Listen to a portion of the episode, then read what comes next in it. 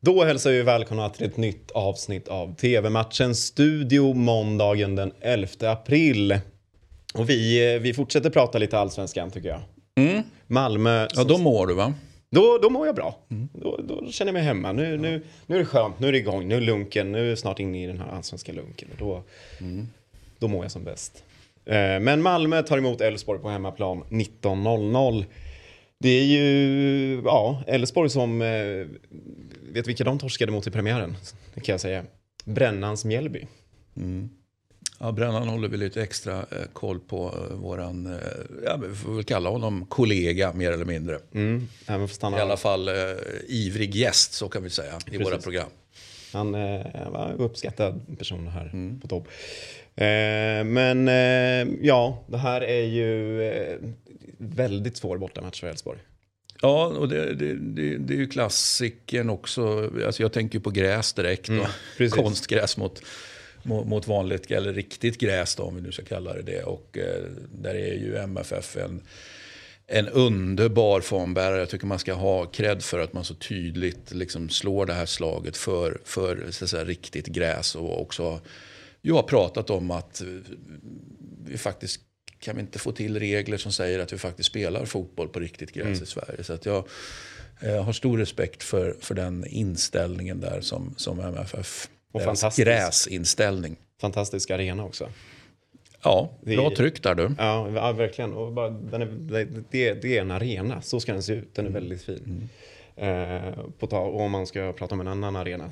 Elfsborgs Borås är inte jätte... Den är inte du så förtjust i. Nej, eller den är färgerna och... Nej, Ja, jag, har- jag har ingenting emot den. Nej. Men, eh, Konstgräs. men det, det får du ha. Det får jag ha, tack så mycket.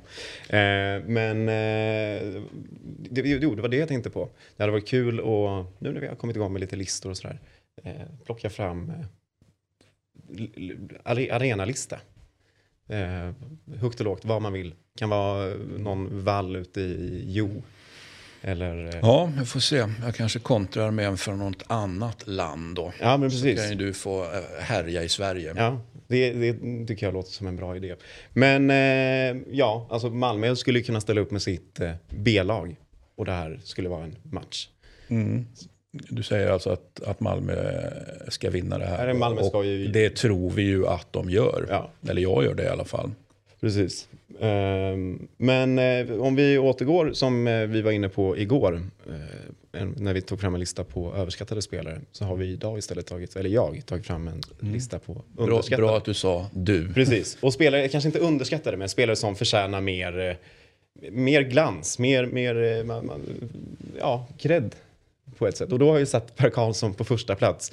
Men det är ju så här, han spelar ju inte, han spelar inte så mycket längre. Han hoppar in ibland och gör det väl kanske inte su- superbra nu för tiden. Men eh, han, eh, under hela sin karriär så har han alltid bara flugit under radarn och eh, aldrig fått den här uppmärksamheten som han förtjänar. Värd mer alltså. Värd mer. Eh, på plats två, Erik Friberg. Underbar spelare. Där är någon, om du, om du väljer, väljer att sätta, sätta dig ner och kolla på allsvenskan någon gång så slå ett slag för Erik Friberg. Ja, det, det, med tanke på att han spelar i Häcken så, så ska vi inte hålla för eh, allt för otroligt och att jag, att jag är positivt inställd eh, redan från början. Nej. Plats nummer tre, Filip Rogic. Eh, som jag tycker är riktigt, alltså, så, så, verkar vara perfekt att ha i ett omklädningsrum. Han eh, slutar aldrig springa, han gör mål, han gör poäng. Men det var ändå snacket i AIK så här, han var till för Filip Rogic. Ja, men han är ju han är fantastisk. Men nu han, han har startat bra i Sirius eh, och jag tror att han kommer eh, verkligen flyga den här säsongen. Spännande. Och sen har jag satt Haris Radetinac. Det kanske också är lite konstigt, så här, underskattad spelare. Men då menar jag mer, Djurgården fortsätter värva. De värvade nu Haksabanovic, de värvade Azor förra året. Men han är fortfarande kvar ute på sin kant. Eh, och han, eh, Han håller fortet helt enkelt. Precis. Så förtjänar mer. Och sen den sista, Hossam Aiesh. Som jag tycker är eh, IFK, IFK Göteborgs bästa spelare.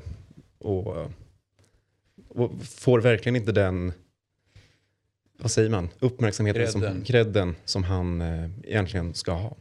Nej, men vad skönt för de här fem spelarna då att de får credden i tv-matchens studio. Precis. Eh, Eftersom de inte får tillräckligt mycket av den på andra ställen. Ja, men eh, det kanske är folk som inte håller med. Men eh, så här Ja, ser det, jag det på det. vore ju väldigt tråkigt om alla, Alla höll med. Precis. dig om din lista. Precis. Så ska du inte vara heller. Då har man gjort någonting. Nej, men man kanske får Fel. följa upp den här också. Den följer vi också upp. Mm. Eh, det är mycket uppföljningar nu eh, som vi går mot i tv-matchens studio. Precis. Dumt att jag inte hade med någon, men jag kunde inte riktigt. Jag hade en bubblare i Malmö och Elfsborg och det är Oskar Lewicki. Som är lite Mm. som Per Karlsson. Han bara, han, han bara är där i bakgrunden, som en liten pappa. Ja, jag är Lewicki-svag, eh, så är det. Sen, sen exakt om han ska vara med i topp 5 eller inte, jag, jag, har, jag har som sagt var, det är du som har ett, eh, tänkt och kalibrerat här. Precis. Men Lewicki eh, är jag alltid för. Men för att återkoppla också till matchen ikväll så har vi ju en, en till bubblare. Mm. Och vem tänker jag på då i Elfsborg? Ja, jag, ja, du menar att men, ja, men vi snackade ju om det lite grann innan. Jag sa att nu tar jag för givet att han är, att han är etta här. Men Ja. du sa att nej, men nu, han får ju all cred nu, våran, våran käre keeper. Vi har ju pratat mycket om honom här. Tim Runding. Eh, men du, du, du har gjort listan och sa att nej, han får faktiskt så mycket cred nu så han Ja. kommer inte in här. Han är inte, han är inte underskattad längre och han är inte Nej. en doldis. Men han är med som bubblare och han förtjänar alltid att hyllas. Ja, så är det. Ja. Kul! 19.00 startar matchen och ni ser den på Discovery+. Nu förflyttar vi oss till eh, Spanien och mötet mellan Rayo Vallecano mot Valencia 21.00. Ja, det är två klubbar. eh, Du sa att eh, kul nyss. Alltså, det är två, två klubbar som inte har haft någon speciellt kul eh, säsong. Eh, om man nu inte tycker att Rajos inledning och den eh, sensationellt fina inledande placeringen första månaderna, att det var någon, självklart någonting positivt. Men nu har man halkat ner precis som, som vi har tänkt. Och eh, det är ju faktiskt så att man får eh, ändå man, man får faktiskt vara vaksam här nu så att de inte blir indragna i någon nedflyttningsstrid. Det beror ju självklart på vad man själv gör. Men också vad, vad klubbarna där nere, liksom, vad de får för sig. Cadiz och Levante och allt vad det nu är som ligger där nere. Eh, och de sprattlar ju lite. Va? Så, att, så att, eh, jag skulle säga att jag tänker inte blåsa faran över för Rayo Vallecano än. Så att det, eh, det kan bli en mäckig avslutning på, på, på seriespelet här. Och mäckigt är det ju mest hela tiden för Valencia. Nu, nu ligger man ju liksom, ja men ska vi säga, strax under mitten och det är inte riktigt där vi tänker oss att Valencia ska ligga och det är inte riktigt där Valencia tänker sig att Valencia ska ligga. Så att eh, en, en, eh, en, en, en, det är svårt att säga om den. Jag menar Valencia är ju såklart det bättre laget men, men eh, jag litar inte på Valencia. Nej, verkligen. Det är... eh, Nej, det blir, det blir lurigt här, får man säga. Har Det vi- luktar väl kryss här också jag då kanske? Det. Jag tror på ett kryss. Och vi säger så. Mm, det gör vi. Det var allt för TV-matchens studio idag, men vi är givetvis tillbaka imorgon igen. Tack och hej.